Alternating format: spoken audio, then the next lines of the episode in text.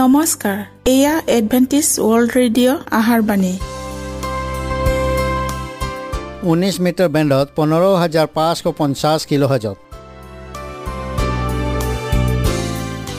Adventist World radio যোগে অসমীয়া ভাষাত প্ৰচাৰিত আহাৰবাণী প্ৰত্যেক বুধবাৰ আৰু দেওবাৰ সন্ধিয়া সাত বজাত আহাৰবাণী শুনাৰ পিছত আপোনালোকৰ কিবা মন্তব্য আৰু প্ৰশ্ন থাকিলে আমালৈ এই ঠিকনাত লিখক। আমাৰ ঠিকনাটি হৈছে Adventist world radio' seven day Adventist মণ্ডলী অসম শাখা লতাকাটা বশিষ্ঠ গুৱাহাটী সাত আঠ এক শূন্য দুই ন।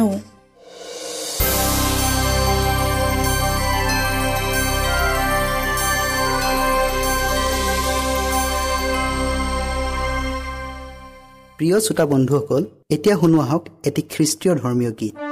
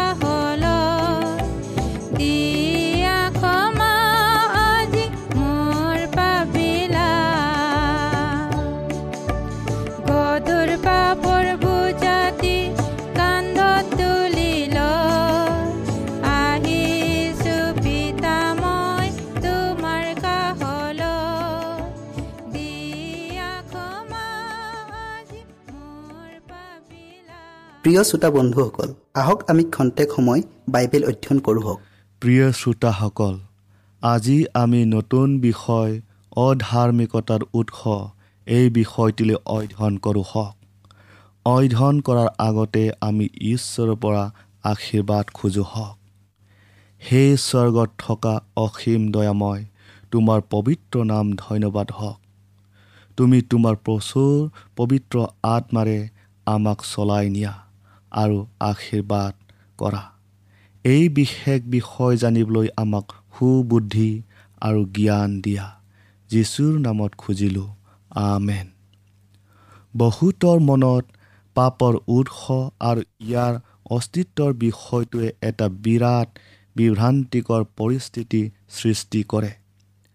তেওঁবিলাকে দুষ্কৰ্ম আৰু অধাৰ্মিকতাৰ কাৰ্যক ইয়াৰ কু পৰিণতি সুখ সন্তাপ আৰু বিনাশৰ সৈতে দেখা পায়। আৰু তেওঁবিলাকে প্ৰশ্ন কৰে যে এজনা সাৰ্বভৌমত্বৰ গৰাকী যিজনা অপাৰ জ্ঞান শক্তি আৰু প্ৰেমৰ মালিক সেইজনৰ উপস্থিতিত এই লেতেৰা পাপ কেনেকৈ ক'ৰ পৰা আহিল? তেওঁবিলাকে ব্যাখ্যা বিচাৰি নোপোৱা ৰহস্যটো ইয়াতে আছে।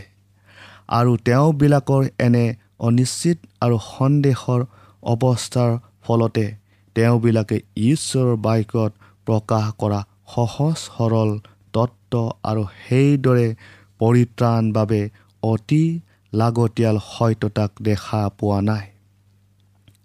পাপ ক'ৰ পৰা আৰু কেনেকৈ উৎপত্তি হ'ল এই সংক্ৰান্তত ইয়াৰ কাৰণ অনুসন্ধান কৰা এনে কিছুমান ব্যাখ্যা আৰু কাৰণ দাঙি ধৰিবলৈ প্ৰয়াস কৰে যিবোৰক ঈশ্বৰে কেতিয়াও প্ৰকাশ কৰা নাই। আৰু এইটো কাৰণতেই তেওঁবিলাকে এই ক্ষেত্ৰত সন্মুখীন হোৱা কঠিন সমস্যাৰাজিত সমাধান বিচাৰি পোৱা নাই।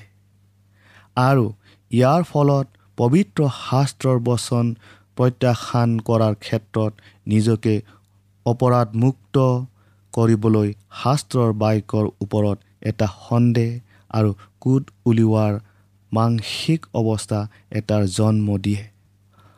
অৱশ্যে আন কিছুমানে পৰম্পৰাগত বিশ্বাস আৰু নীতি নিয়মত আৰু ভুল ব্যাখ্যাই দুৰ্বৈধ্য কৰি ৰখা ঈশ্বৰৰ চৰিত্ৰ তেওঁৰ শাসন প্ৰণালী আৰু পাপৰ বিৰুদ্ধে থকা তেওঁৰ মৌলিক নীতিৰ সংক্ৰান্তত বাইবেলৰ সৰল শিক্ষাক সন্তোষজনকভাৱে বুজি পোৱাত ব্যৰ্থ হৈছিল।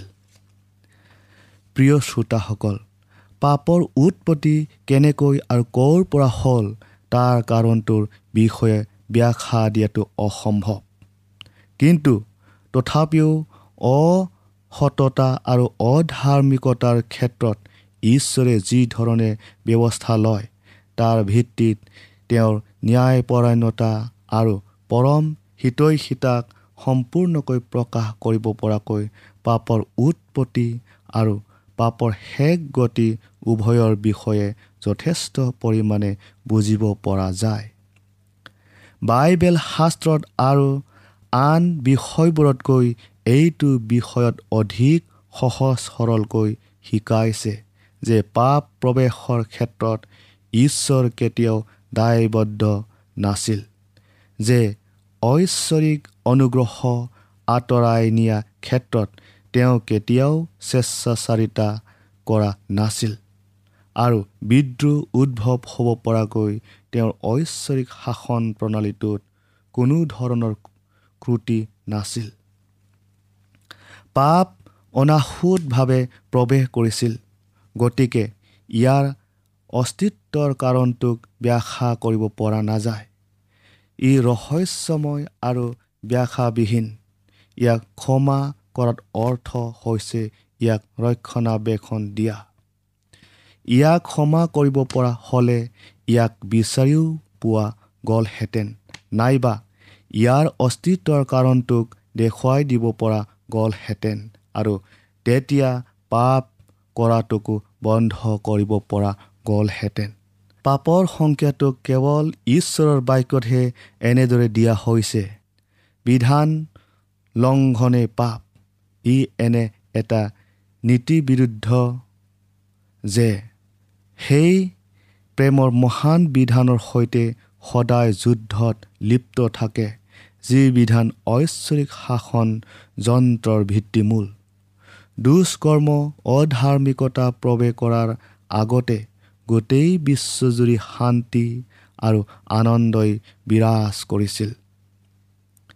সকলোৱে সৃষ্টিকৰ্তাৰ ইচ্ছাৰ সৈতে সম্পূৰ্ণভাৱে ঐক্যমতত আছিল। ঈশ্বৰৰ প্ৰতি থকা প্ৰেমে সৰ্বোচ্চ স্থান অধিকাৰ কৰিছিল। পৰস্পৰৰ মাজত থকা প্ৰেম পক্ষপাতহীন আছিল। ঈশ্বৰৰ একমাত্ৰ পুত্ৰ যীশুখ্ৰীষ্ট বাক্যৰ ৰূপত অনন্ত পিতৃৰ সৈতে একেলগে আছিল। প্ৰকৃতিত এক হৈ চৰিত্ৰৰ এক হৈ আৰু উদ্দেশ্যটো এক হৈ বিশ্ব ব্ৰহ্মাণ্ডত থকা একমাত্ৰ জনাইহে ঈশ্বৰৰ উদ্দেশ্য আৰু পৰামৰ্শ সভাত প্ৰৱেশ কৰিব পাৰিছিল। কৃষ্টৰ দ্বাৰাইহে পিতৃয়ে স্বৰ্গৰ সকলোকে সৃষ্টি কৰিছিল। স্বৰ্গত দৃশ্য আৰু অদৃশ্য যি যি আছে সিংহাসন হওক বা প্ৰভুক্ত হওক অধিপত্য হওক বা ক্ষমতা হওক সকলোকে তেওঁৰ দ্বাৰাই আৰু তেওঁৰ নিমিত্তেই স্ৰজা হ'ল। কলচীয়া এক অধ্যায়ৰ ষোল্ল পদত। আৰু স্বৰ্গবাসী সকলোৱে পিতৃ কৰাৰ দৰেই কৃষ্টৰ প্ৰতিও সমানেই আনুগত্য প্ৰকাশ কৰে। প্ৰিয় শ্ৰোতাসকল প্ৰেমৰ বিধান ঈশ্বৰৰ শাসন প্ৰণালীৰ ভিত্তিমূল হোৱা হেতুকে তেওঁৰ দ্বাৰাই সৃষ্টি সকলো প্ৰাণীৰ শান্তি আনন্দ সম্পূৰ্ণভাৱে নিৰ্ভৰ কৰে। তেওঁবিলাকে কিমান পৰিমাণে ধাৰ্মিকতাৰ সেই মৌলিক নীতি বিধানৰ সৈতে সমন্বয় ৰাখিছে তাৰ ওপৰত। ঈশ্বৰে কামনা কৰে যেন তেওঁৰ সৃষ্টিৰ আটাইবিলাক প্ৰাণীৰ পৰা তেওঁ প্ৰেম আৰু গভীৰ শ্ৰদ্ধাপূৰ্ণ সেৱা পায় যিটো তেওঁৰ চৰিত্ৰক অনুসৰণ আৰু সমাদাৰ কৰাৰ দ্বাৰাই পুতি উঠে। তেওঁ কাৰো পৰা বলপূৰ্বক আনুগত্যতা আদায় কৰিবলৈ ভাল নেপায় আৰু সেয়ে তেওঁ সকলোকে এটা স্বাধীন মন দান কৰিছে। যাতে তেওঁবিলাকে নিজ ইচ্ছাৰে তেওঁলৈ সেৱা উৎসৰ্গা আগবঢ়াব পাৰে। কিন্তু এজন আছিল যিজনে এই স্বাধীনতাক অন্য দিশে নিয়াটোকে উত্তম বুলি ভাবি লৈছিল। পাপ সেইজনতেই উৎপত্তি হৈছিল যিজন কৃষ্টৰ পিছতেই স্থান পাইছিল যাৰ ওপৰৰ ঈশ্বৰৰ সৰ্বোচ্চ মান সন্মান দিয়া হৈছিল। আৰু যিজন স্বৰ্গৰ বাসিন্দাসকলৰ মাজত শক্তি আৰু মহিমাৰ আটাইতকৈ উচ্চ পদত অধিষ্ঠিত হৈছিল। তাৰ পতনৰ পূৰ্বে লুচিফাৰে ঢাকি ধৰোঁতে প্ৰথম কৰূপ আছিল পবিত্ৰ আৰু পাপমুক্ত অৱস্থাত। প্ৰভু যীশুৱাই এই কথা কৈছে তুমি সৰ্বগুণৰ সমষ্টি আৰু পৰম সুন্দৰ। তুমি ঈশ্বৰৰ বাৰী এডনত আছিলা। সকলো বহুমূল্য পাথৰ আৰু সোণ তোমাৰ আৱৰণ আছিল। তুমি ঢাকি ধৰোতা অভিষিক্ত কৰূপ আছিলা। ঈশ্বৰৰ পবিত্ৰ পৰ্বতত তুমি থাকিব পৰাকৈ মই তোমাক স্থাপন কৰিছিলোঁ।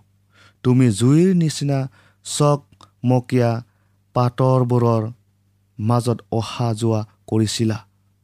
তোমাত অন্যায় পোৱা নোযোৱালৈকে তুমি সৃষ্টি হোৱা দিনৰ পৰা তোমাৰ আচাৰ ব্যৱহাৰত সিদ্ধ আছিলা।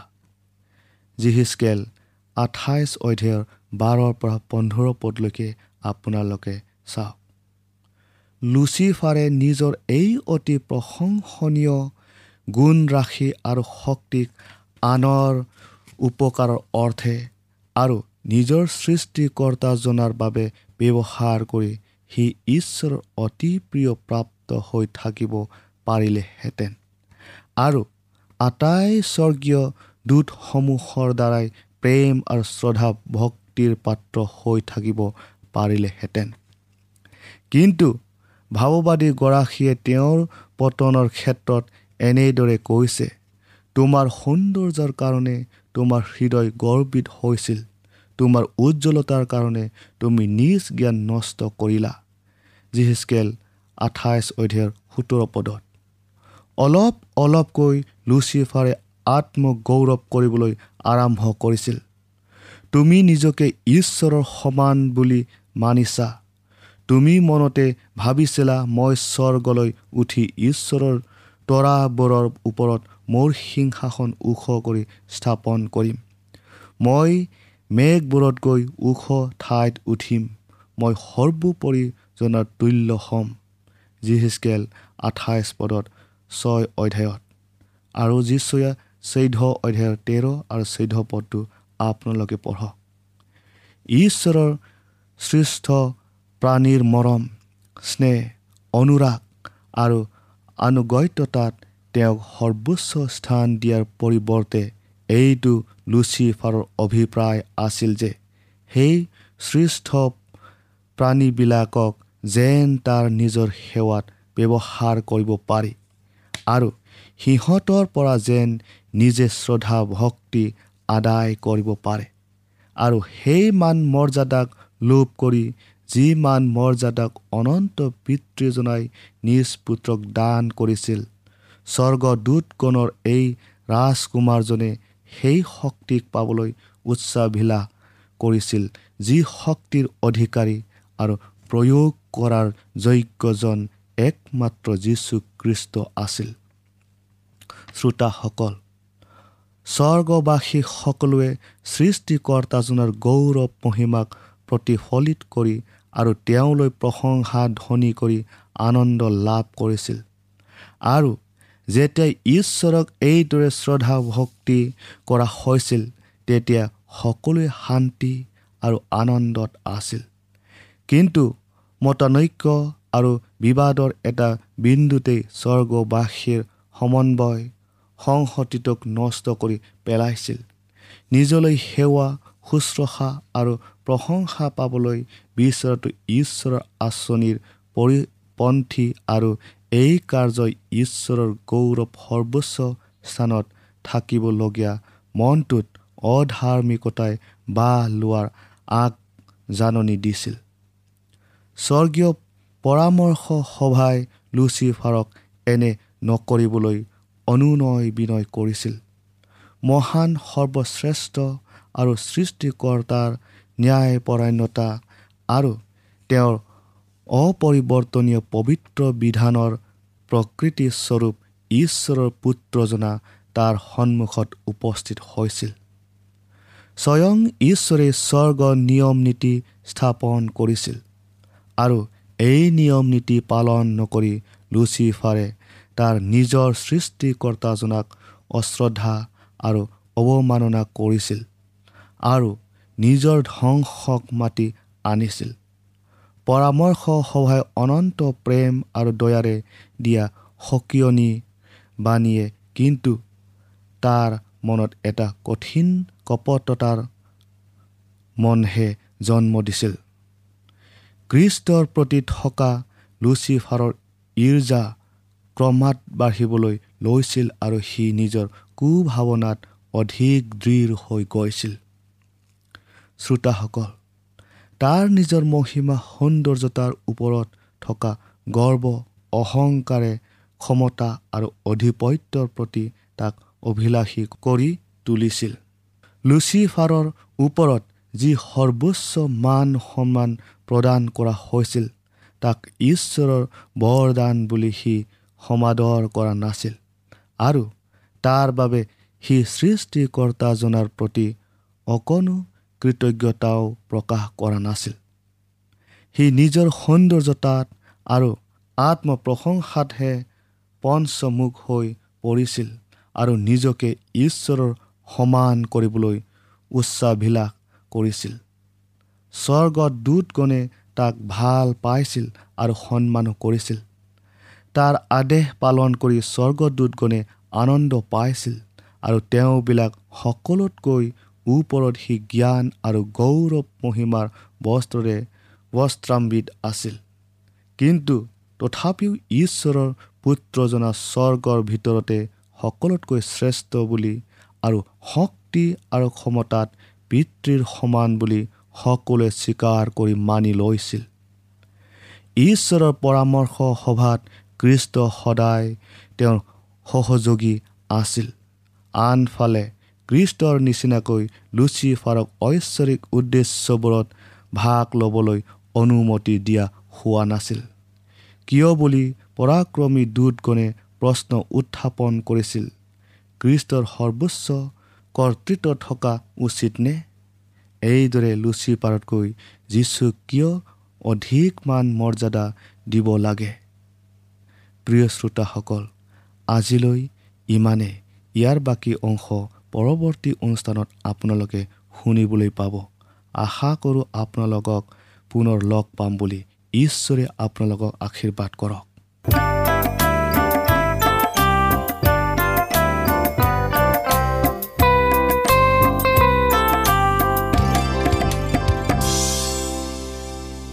ইমানপৰে আমি বাইবেল অধ্যয়ন কৰিলোঁ। এতিয়া আকৌ শুনো আহক এটি খ্ৰীষ্টীয় ধৰ্মীয় গীত।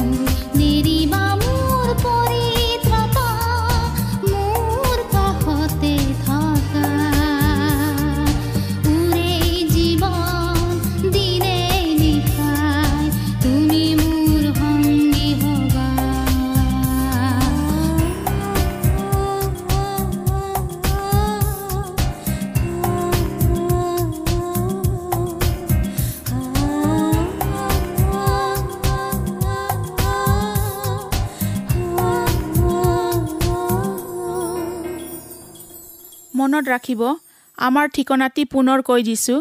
Adventist world radio' Assam region of seven day Adventist voice of hope Lotakata Basistha Guwahati seven eight one zero' two nine প্ৰিয় শ্ৰোতা বন্ধুসকল এডভেণ্টিজ ৱৰ্ল্ড ৰেডিঅ' যোগে আহাৰবাণী প্ৰচাৰত আপোনালোকক পুনৰ লগ পোৱাৰ আহাৰে আজিলৈ সামৰিলোঁ। ধন্যবাদ।